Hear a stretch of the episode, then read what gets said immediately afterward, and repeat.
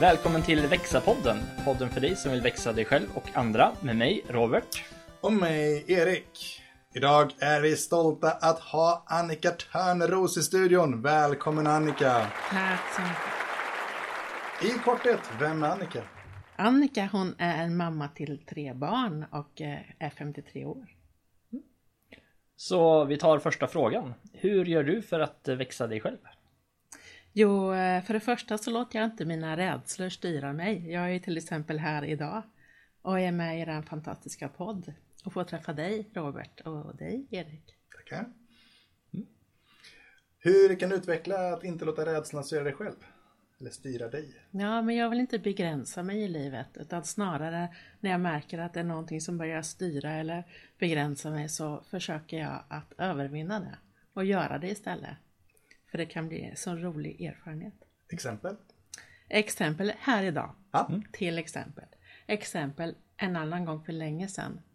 När jag var webbmaster skulle jag föreläsa för en massa chefer. Och jag har scenskräck. Men eh, ja, vad är det värsta som kan hända? Eller som jag brukar säga, vad är det bästa som kan hända? Så jag föreläste. Benen skakade när jag gick in på scenen men eh, jag pratade och fick fram mitt budskap. Jag som har svimmat på scen kan ju säga vad det värsta som kan hända här. Men det är en ganska lång resa för du har föreläst en hel del mer sedan dess. Ja, nu är jag uppe i över 20, vad ska man säga, professionella föreläsningar inom min gebit som jag jobbar med. Så hur har du jobbat dig vidare från att stå och skaka till att faktiskt vara där är idag? För jag misstänker att du inte står och skakar på samma sätt idag. Nej, jag tar tillbaka till den här första gången för många år sedan, 98, 899, den där dagen när jag övervann min scenskräck. Ja, det handlar mycket om ett tillåtande tänk. Jag satt där och tänkte, jag var fruktansvärt nervös. Men sen satt jag och tänkte på hur jag är när jag sitter i publik. Vad tänker jag när någon kommer in och man ser att de är nervösa, man ser att de blossar i ansiktet och på halsen och de står och, och famlar med papper. Min instinkt direkt är ju, åh, jag vill lyssna mer ingående, jag vill vara mer deltagande och försöka liksom titta på ett deltagande sätt och ett mjukt sätt att man liksom hjälper och stärker. Och då bestämde jag mig bara för att ja, men, jag får ju vara lika tillåtande med mig själv. Det är okej okay att gå in på skakiga ben och kanske till och med säga oj vad mina ben skakar men sen börja prata om saken som låg mig väldigt varmt om hjärtat. Det var webbutveckling som jag skulle prata om på den tiden. Folk vill ju gärna en väl. De Ja. vill att du ska lyckas eftersom de sitter där och ska göra något meningsfullt de närmaste 10, 20, 45 timmen dagen. Trots allt. Ja, och till och med förlita sig på och förvänta sig att folk vill en väl. Eh, har du alltid haft den här liksom att du vill övervinna dina rädslor eller är det någonting som har kommit senare i livet? Det har nog följt med mig nu aningen senare i livet. Mm. Eh, till exempel, jag tar ett sista exempel i det här, är att jag hade snudd på hundfobi. Eh, nu är jag inne på min fjärde hund. som förresten var med i korren i helgen som Östergötlands sötaste husdjur. Oj, oj, oj, oj, oj. Men vad, vad skulle du säga är det som driver det här liksom, att vilja övervinna din rädsla? Liksom, vad, hur, hur känns det inuti? Liksom, hur kan du beskriva det? Ja, jag kan verkligen beskriva det. Det handlar om eh, att vilja överleva. Drar jag det tillbaka till. För att jag har en historia med mig som har en sån här före och efter sektion. Eller vad man ska säga, att jag fick ett wake-up wake call mitt i livet. Eller kanske en riktig käftsmäll kan man kalla det. Mm. Jag var med om en stor trafikolycka när jag var 21. Jag fick ligga inne på sjukhus i fem månader och genomgå väldigt lång rehabilitering för att komma tillbaka till ett liv igen, men ett annorlunda liv. Mot vad jag hade tänkt och planerat. Mm. Men eh, där och då så blev det ju väldigt mycket konkreta tankar och rädslor. Hur ska det här bli? Hur ska jag kunna? Och jag tror inte någon tänker så när man ser det idag, men jag fick verkligen ha hjälp med att ta mig ner till ett café, beställa kaffe, fika. Jag hade med mig en ledsagare för att fika för att klara att växla pengar och ta mig tillbaka. Mm. Eh, och från att ha varit i den där väldigt begränsade världen som inlagd patient till att bli att man vidgar sitt livsrum så jag får ett livsrum som jag tycker är stimulerande och fint så har jag ju riktigt konkret fått tampas med rädslor, farhågor, tillkortakommanden. Eh, och så. Och jag lever idag med ganska många inskränkningar i, i kroppen och knoppen. Jag har kronisk värk och trötthet, jag har sviter efter olyckan men jag lever så mycket mer inkännande och närvarande Mm. idag än vad jag har gjort tidigare. Tänk att i en sån situation så är det lätt att det, det finns ju en risk att man faller över åt andra hållet och, och mm, så bitterhet eller vad som helst. Och jag skulle ha all respekt för att man hamnat där också. Vad är det som, vad tror du gjorde att du inte hamnade där utan hamnade snarare i det här öppnande, möjlighetssökande sättet att, att leva från den händelsen? Erik, det där är en jättebra fråga för det första. Eh, Jag har mött väldigt många bittra människor som inneliggande patient och efter i rehabilitering och man fastnar vid varför händer det här mig och, och hur ska det här bli och jag kan inte och jag kan inte. Jag tror dels har man förutsättningar med sig. Att man har någon slags grunddriv. Jag är väl en Pippi Långstrump någonstans. Lite grann har jag alltid haft det med mig. Den här klassiska att det har jag aldrig provat förut. Det kan jag säkert. Var med i en podd till exempel. Men eh, sen kan jag faktiskt se en, jag kallar det för stunden.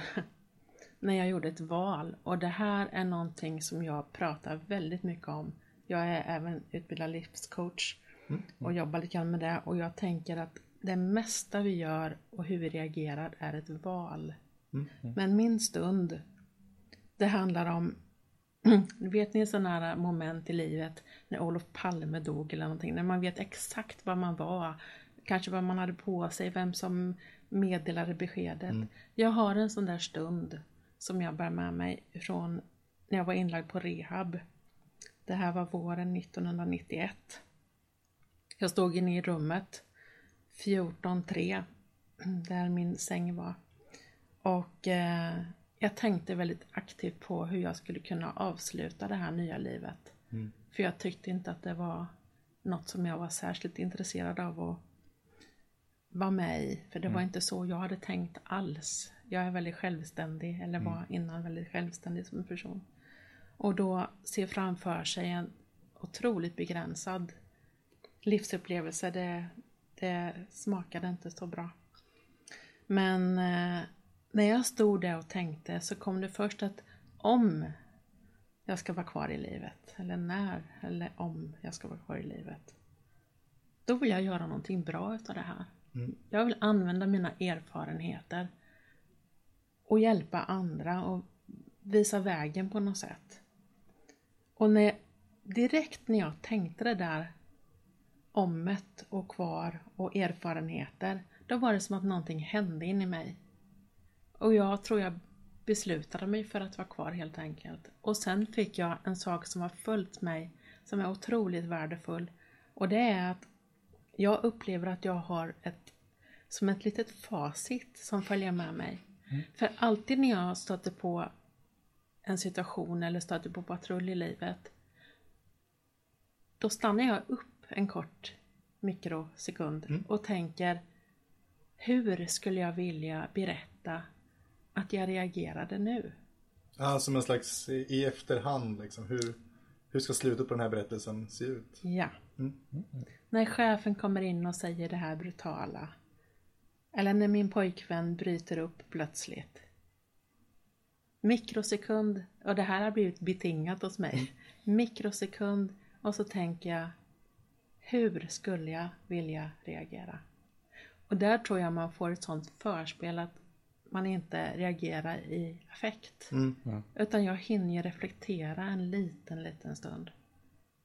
Om du skulle träna en sån som eh, Robert eller mig i det här, för vi har inte, Jag vi lyckligtvis inte upplevt samma Nej, sak. jag vet inte om det går faktiskt. Nej. Jag skojar. Ja. Nej, men det är att hitta ett eget, en egen känsla för hur skulle jag vilja agera. Och det räcker med den här lilla pausen. Betinga någonting själv som, som känns ehm, för det här är någonting jag pratar också om mycket när jag coachar som livscoach. Att man kan leda hästen till vatten men man kan inte tvinga den att dricka.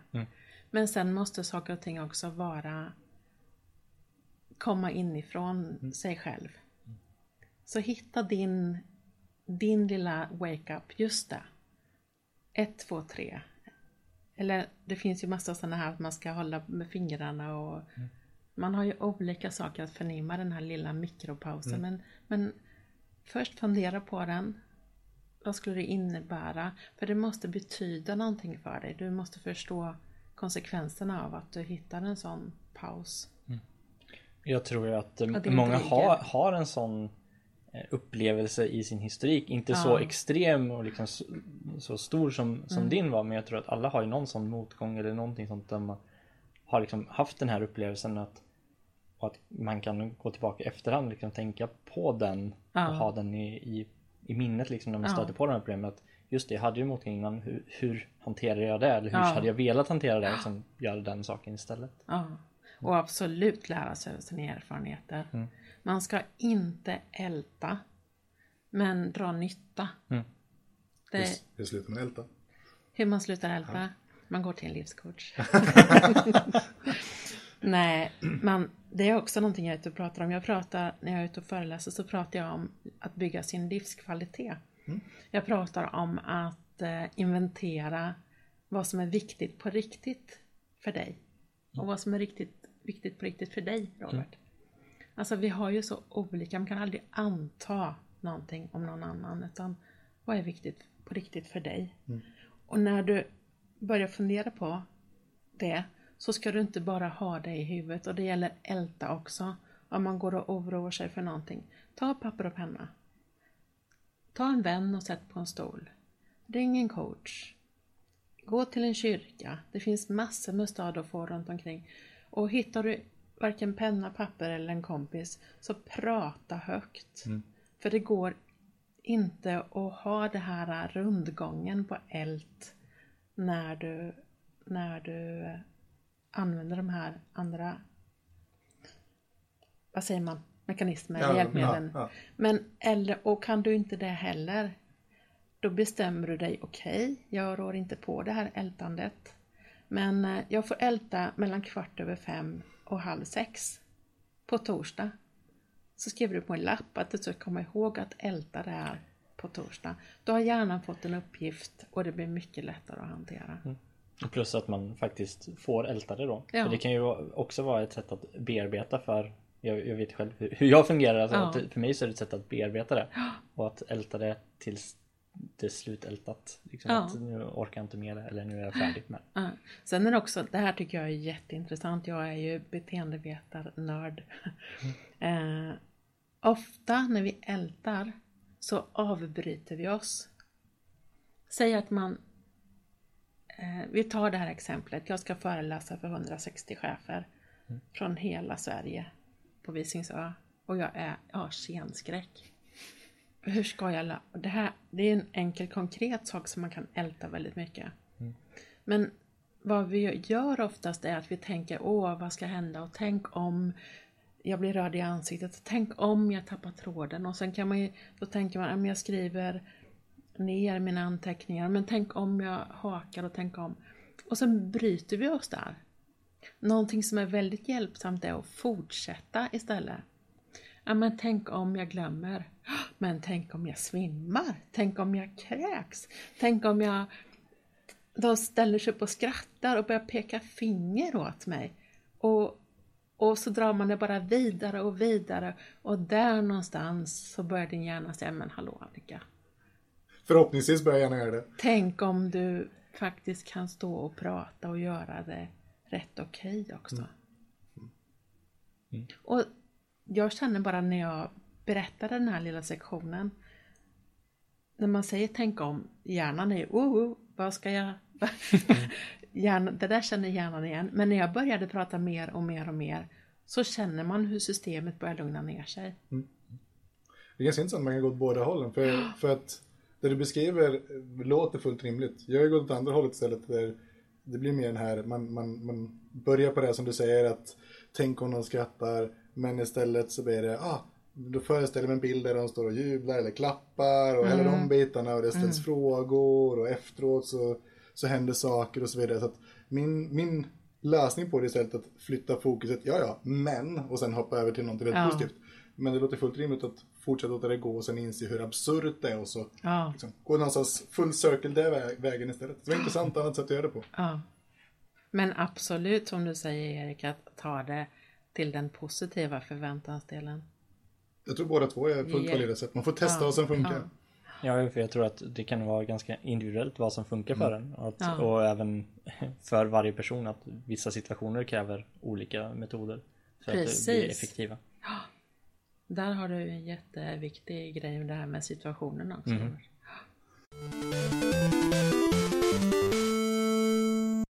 Så hur gör du för att växa andra? Ja, i mitt fall är det ju lite speciellt. eh, För jag jobbar ju lite grann med det här. Eh, Och eh, jag har skrivit en bok som handlar om min trafikolycka. Och den handlar om min rehabilitering och min upplevelse utav bemötandet inom vården. Både riktiga höjdpunkter och fantastiska möten med vårdande personal. Och andra lite mer lågvattenmärken där jag känner mig väldigt utsatt. Och jag vill också säga, flika in det att man kan inte vara helt utsatt om man inte är i konkret underläge. Det är svårt att sätta sig in i situationen och man kan tänka, men varför reste hon sig inte bara upp och gick? Men det är inte alltid man har alla alternativ. Men eh, boken handlar om min trafikolycka och resan tillbaka bara under vårdperioden. Och sen nu är jag ute och föreläser om det här. Jag har varit ute mycket inom vården, inom regionen i Östergötland.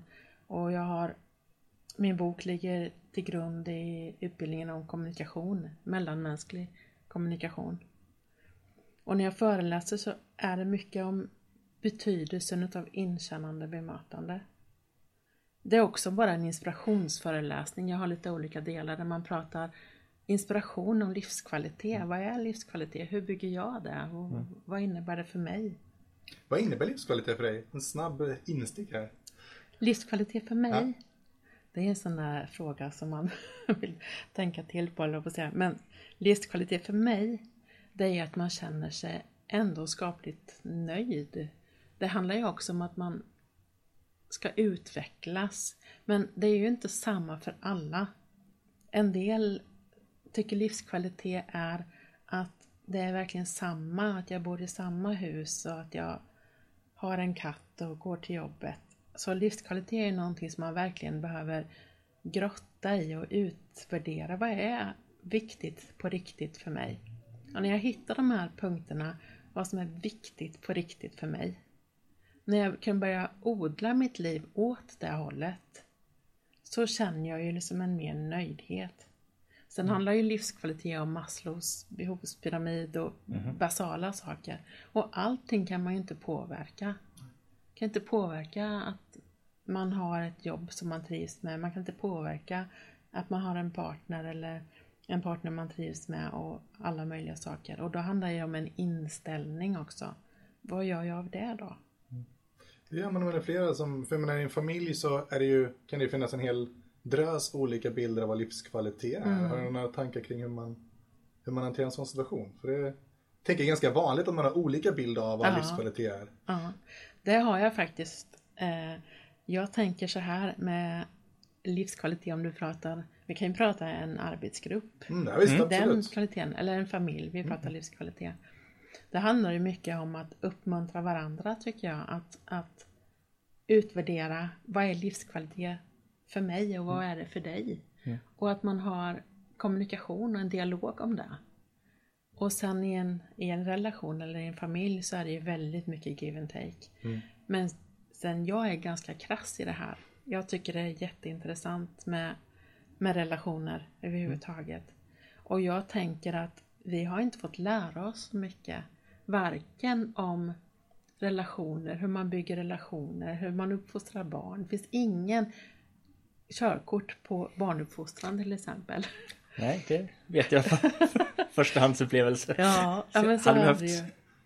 Men återigen, vi pratade eld förut och papper och penna. Mm. Hur skulle det vara om vi satte oss med papper och penna i familjen då?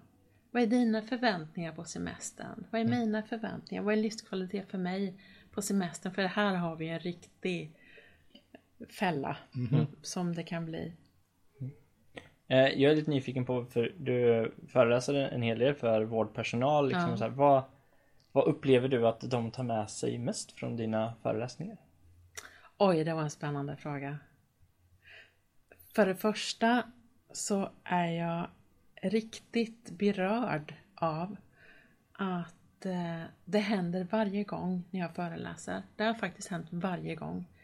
Jag föreläser, det har varit grupper upp mot 100 personer nu, som, så det är lite större grupper. Det kan bli lite opersonligt när man står där framme. Jag försöker att interagera mycket. Men i pauserna, då kommer det alltid, har det kommit fram människor. Jag kallar dem för personalmänniskor, men det är en lång historia, det står i min bok. eh, de här personalen kommer fram och de kommer fram och tar i mig. De kan inte, det räcker inte ens att komma fram och stå bredvid mig utan många gånger så tar de tag i min arm eller i min hand och säger Annika, det är så fantastiskt att få höra på dig.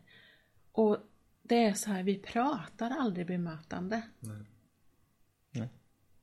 Vi pratar aldrig bemötande och hur det känns. Och jag ser ju in i deras ögon, jag ser in i deras själ hur viktigt det är för det här, om vi pratar färger, så är det här vårdande människor, det här är ju gröna människor.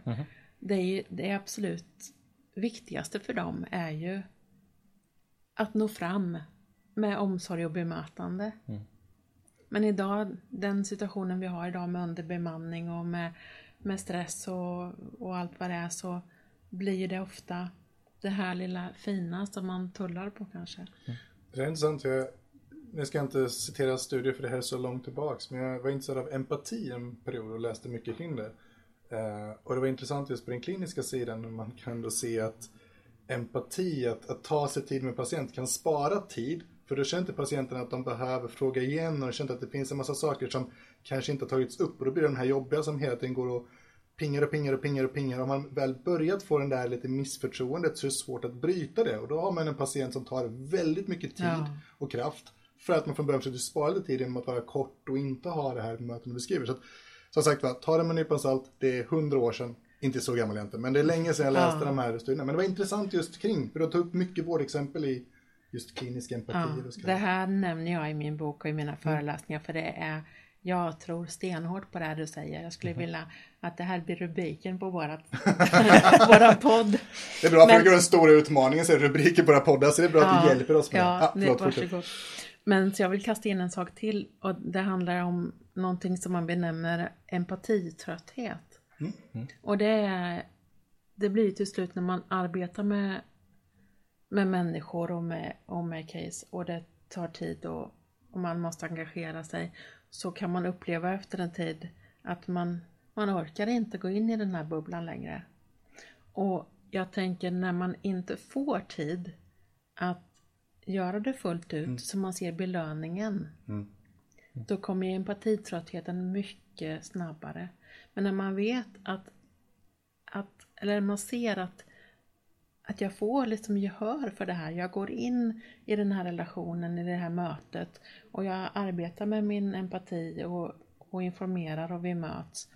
Och man ser verkligen en skillnad, en belöning. Då är ju chansen större att man vill gå in i det mötet på det djupa sättet nästa gång också. Ser du det som att det skiljer någonting? För menar, du jobbar med en del med HR och jag misstänker att du möter chefer och så vidare. Ser du en skillnad mellan till exempel patientbemötandet i vården och chefer? Eller finns det, finns det saker båda kan läras av exakt det vi pratat om här just nu? Jag tänker att eh, det finns absolut liknande saker. Och, Lite ledande fråga. Mm. Ja. ja, men jag höll med dig också. Och jag tänker att eh, jag backar bandet lite. Jag har arbetat med service sedan jag gick i gymnasiet. Eh, som servitris eh, på ett gym. Eh, jag har sålt försäkringar, jag har stått i reception och allting sånt. Och du har ju det från alla håll och kanter så är det här bemötandet och empatin. Och det kostar så lite och det ger så mycket. Men, men sen är det också om, om vi pratar chefer och vi pratar vårdpersonal eller så. Där har det ju också en, en liknande effekt att det finns så lite tid. Mm. Och också ofta, det finns så mycket attiraljer, mobiler som, som tar tid ifrån de här verkliga mötena. För att ska du ha empati så måste du mötas öga mot öga. Vi måste titta på varandra, vi måste se varandra och vi måste också förstå att vi är olika. Hur skulle du säga att man övar upp sin empati? Hur, hur skulle jag göra rent konkret om jag vill bli bättre på empatiskt bemötande? Eh, det här är studier som är ännu längre sedan. 120 år? Ja, ungefär stenåldern när vi knackar in dem. Eh, vad jag förstår så är empati inte medfött utan det är inlärt. Det handlar väldigt mycket om små barn. Innan småbarnsåldrarna så har vi mycket att göra i att visa empati. Hur skulle du känna om Kalle eller Stina slog dig i huvudet eller tog din leksak? Hur känns det för dig? Skulle du tycka om det? Nej, vad vill du göra istället? Och har man missat det där tåget Det, det, var ett tag sedan jag var så, så ung. tre femårsåldern Ja. så är det ju ändå ett inlärt beteende. Så att du läs, lär, testa. Och Robert, du är väl utvecklad inom din Frågar åt en empati. kompis. Ja. Jag frågar åt en kompis. Ja, just det, att det kom. Jag förstår.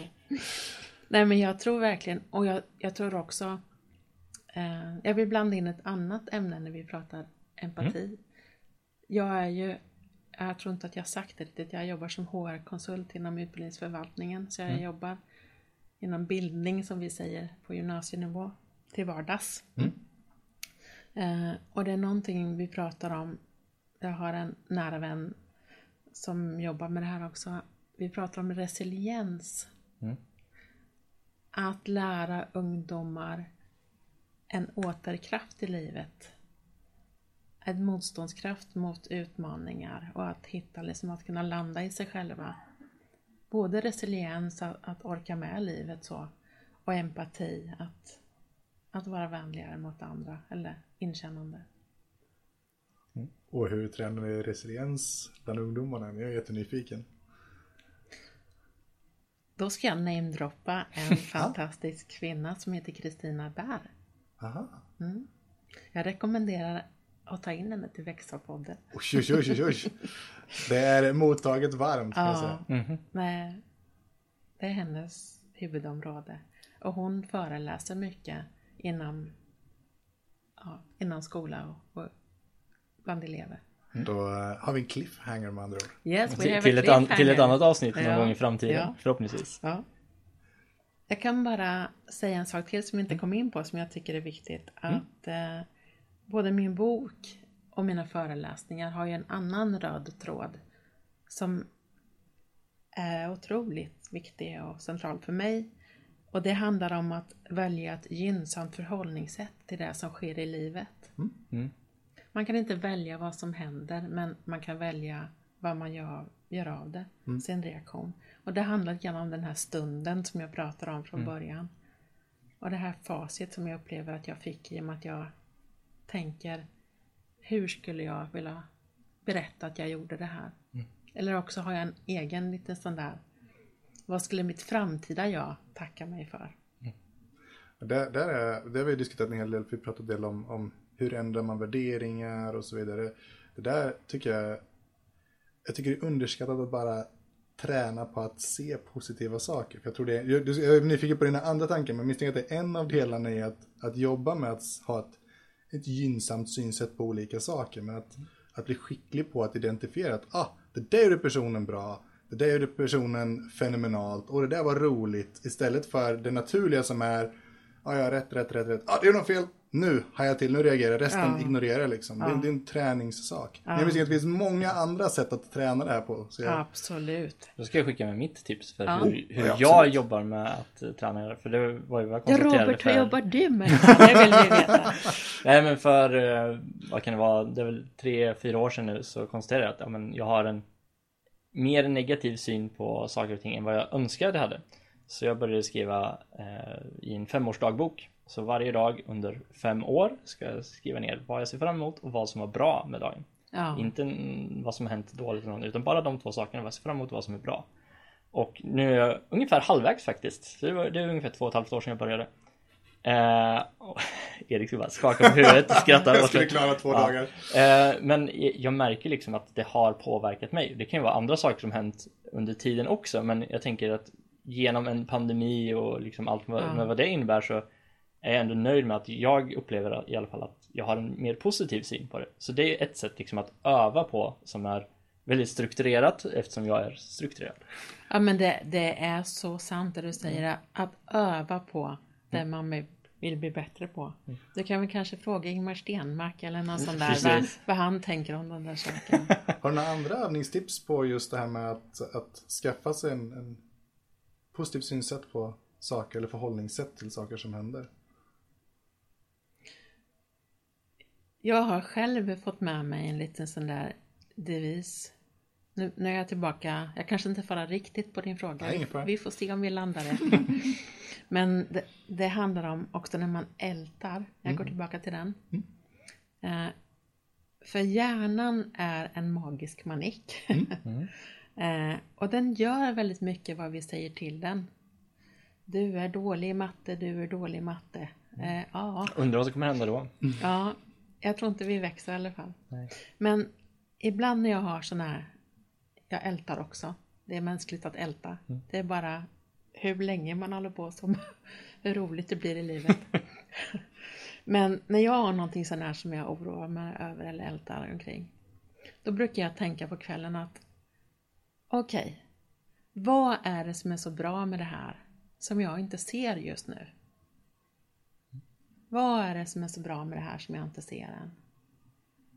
Och sen försöker jag släppa tankarna och somna. Man kan absolut göra det på dagen också. Men för mig är väl eldtimman någonstans där runt 23. Jag vet inte. Det är kanske bara jag som har det så.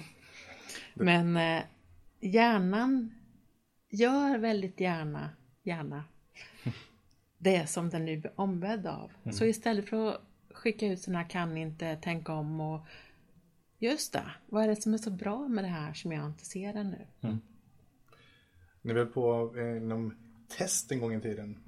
Så, så var en av de här typiska sakerna att det finns inga best practices, bästa lösningen, utan allting beror på. Och då var det så, okej, här är någonting som folk säger är fantastiskt viktigt och värdefullt och en best practice. Kom på fall där det inte är så. Det är inte lämpligt att hoppa ner för ett berg. Jo, om du ska göra skydiving och liknande så är det lämpligt och så vidare. Det blir ju som en slags variant på den, fast man skulle säga bara på de positiva. Vi var ju ganska bra åt andra hållet, men i det här fallet handlar det om de positiva. Det är ganska, alltså, jag håller med dig, det är en kraftfull typ av övning för många olika scenarion. I det här fallet kan du ändra hela ditt synsätt. Ja, Stort värde. men sen bara öva. Mm. Som du Robert, att har man det inte riktigt med sig. Tacksamhet är ju en sån där sak som är väldigt allmängiltig.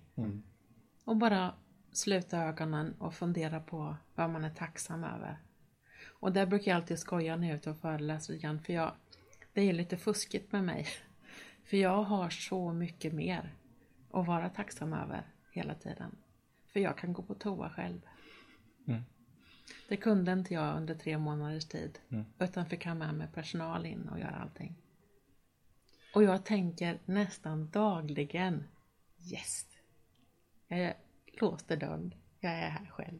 Det, det är ganska bisarrt, jag har tänkt på det ibland också, att många av de människorna som, om jag ska sitta och, och liksom nämna personer som, som verkar som mest livslyckliga av alla jag har sett och hört, så är det ju påfallande många av dem som har genomlidit någonting som alla önskar inte skulle hänt och säkert på ett sätt de också, men som du säger, de har fått med sig en upplevelse med att de kan uppskatta saker genuint som förut var svårt att uppskatta. Och jag har ofta gått runt så här, vad, vad är det jag behöver göra som inte innefattar att vara med till exempel i en trafikolycka för att känna samma sak?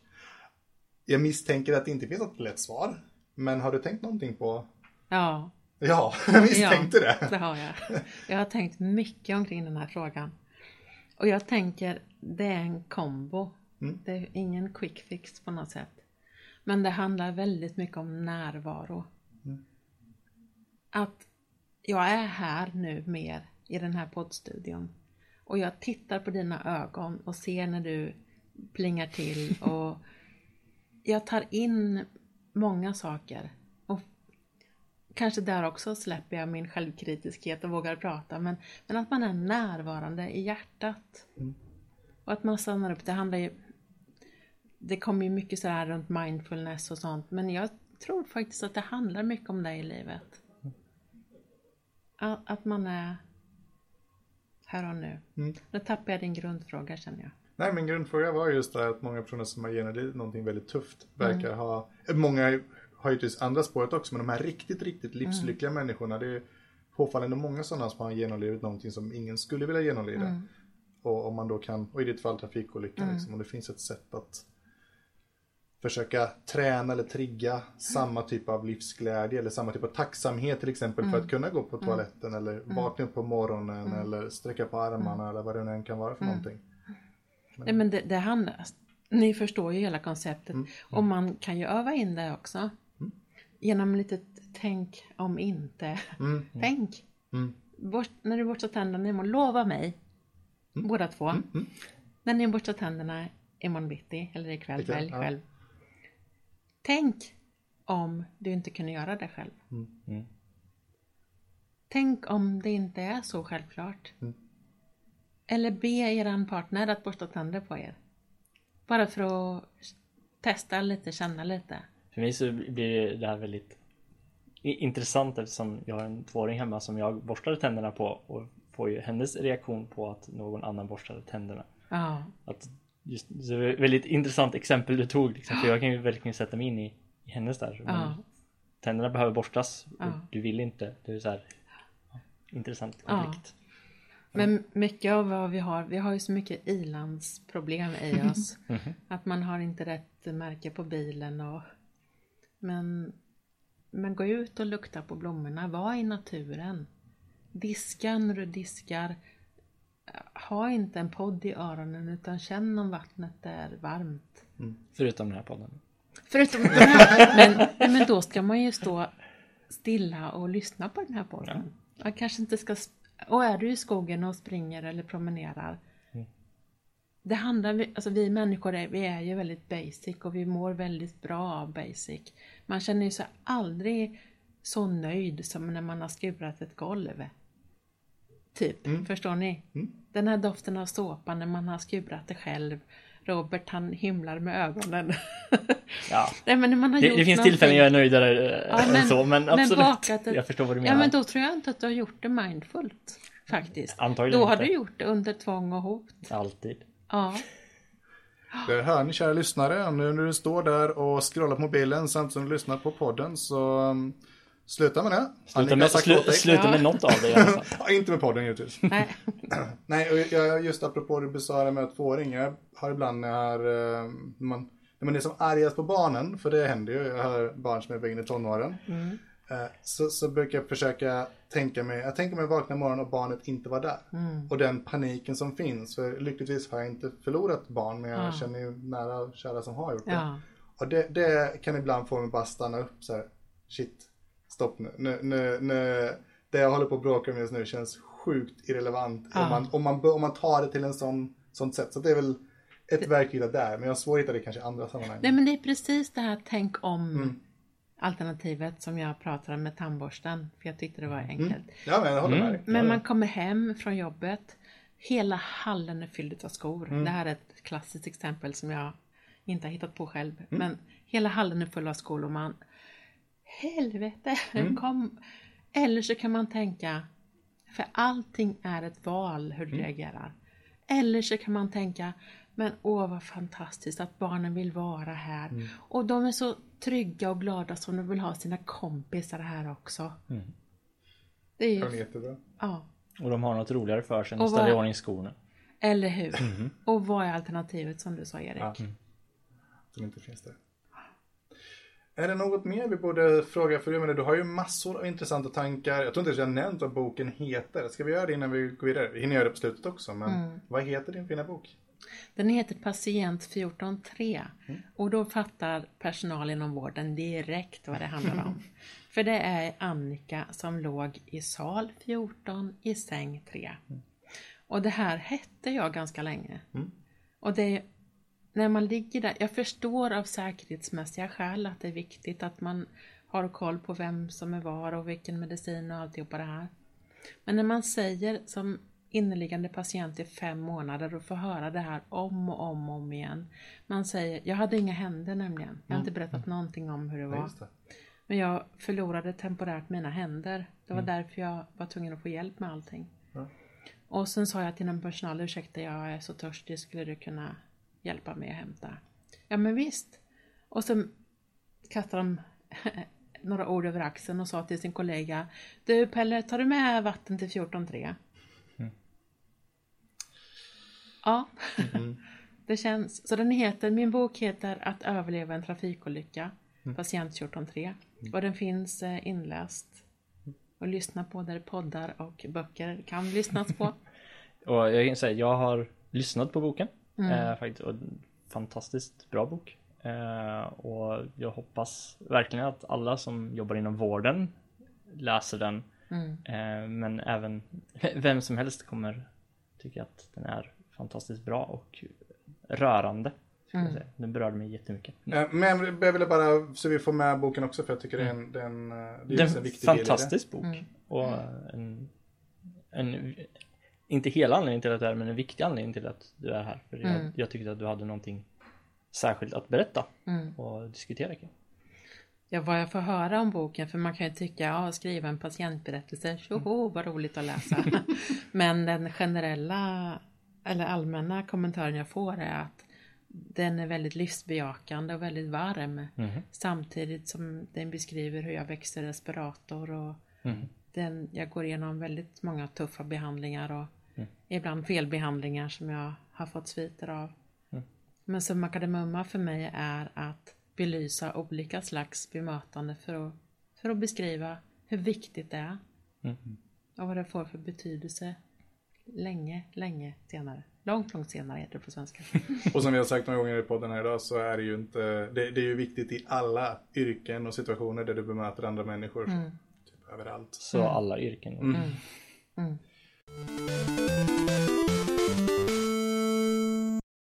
Då så, som avslutning så vill vi jättegärna höra dina två bästa tips för att växa sig själv. Just det, mina två bästa tips. Det var eh, intressant att fundera på. Mm. Eh, och plocka ut två, det blir så här, ah. Men eh, mm, jag har två som heter Självet och Förväntan. Da, da, da, Mm, jag känner det. Får du utveckla det. lite? Jag har även arbetat med marknadsföring i många år. Eh, Så är det faktiskt. Men självet i den här eh, tanken att växa sig själv är väldigt viktig för mig. Eh, Det handlar om att känna dig själv. Lär känna dig själv. Var snäll mot dig själv. Följ dina drömmar och inventera vad som är viktigt på riktigt för dig. Och försök att välja väl i situationer. Långsiktigt väl. Det här kan man ju prata mycket mer om. med Jag tänkte det också, men jag sa inget. Eh, men eh, jag låter det landa där. Mm. För det självet, det syrgas på först på sig själv faktiskt. Annars så kommer man inte så långt. Och det här förväntan, det tycker jag är ett jättehärlig grej. Och en möjlighet där man kan förvänta sig eller oroa sig på olika sätt. Man kan förvänta sig glädje. Våra tankar påverkar vårt liv. Och vår kropp och vår hälsa så långt mycket mer än vad vi vet idag. De håller på mycket och forskar och tittar på de här sakerna. Men förväntan och våra tankar påverkar vårt liv. Och vi har väldigt stor förmåga att föreställa oss saker. Och då tänker jag rädsla, oro och älta. Men tänk om det blir alldeles kolossalt bra, som du var inne på Erik. Tänk om det blir alldeles fantastiskt. Bara om jag säger så, så sprider det sig en förväntanskänsla i mig. Och att använda den här fantastiska förmågan, min fantasi och kreativitet, för att skapa vanliga och, och vänliga och roliga förväntningar.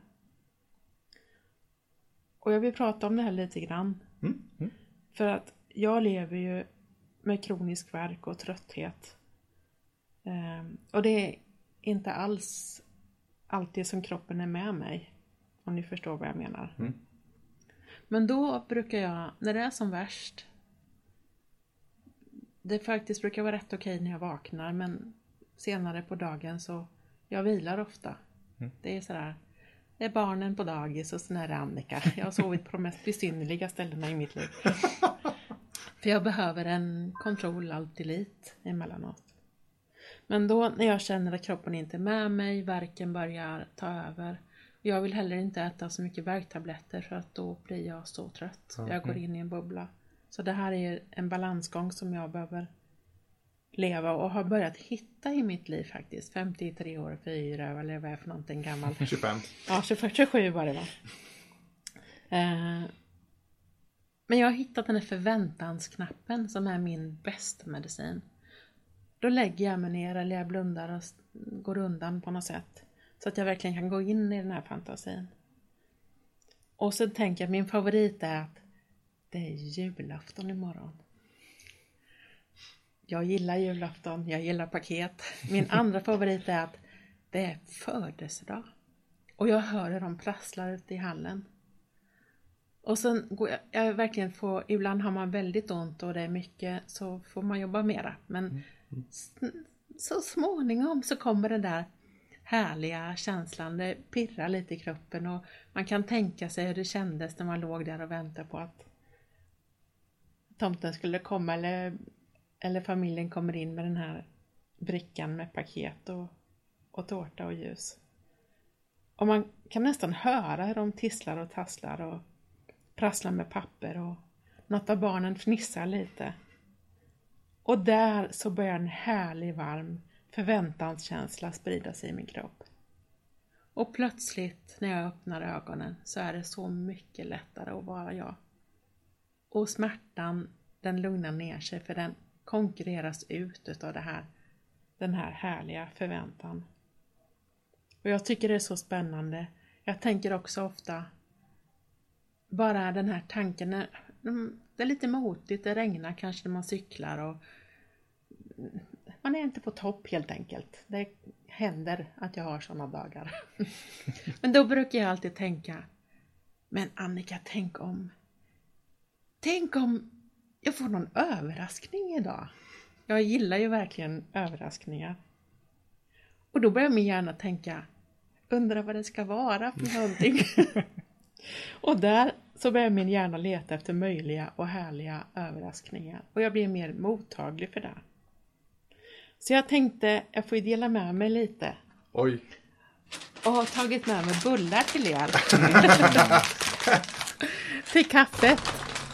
Det finns tyvärr inte till alla er gäster, men Nej. jag kan lova er att eh, vi ser någonting som jag ser fram emot att ta tag i alldeles strax här. Ja. jag skojar. Men jag, bullarna är på riktigt. och jag tycker vi ska fira att jag fick vara med och träffa er på Växa-podden.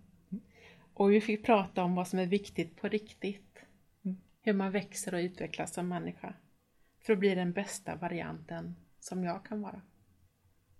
Härligt. Vi ser fram emot att fira att vi fick ha det här i podden också. Ja. Innan vi lämnar så mm. hur kommer man i kontakt med dig och dina föreläsningar, dina böcker? Ja just det, vad spännande. Jag har en hemsida. Mm. Jag heter Törneros med TH så den är tornros.nu. Mm. Där kan man hitta mig. Jag är ganska aktiv på LinkedIn. Mm. Annika Törnros får väldigt gärna kommunicera med mig där. Mm. Ja, Det låter väl alldeles ypperligt. Vi Ja. ska lägga det i poddbeskrivningen. Som vanligt. Otroligt stort tack och kul att ha dig här Annika. Det har varit ett nöje. Fantastiskt. jättekul.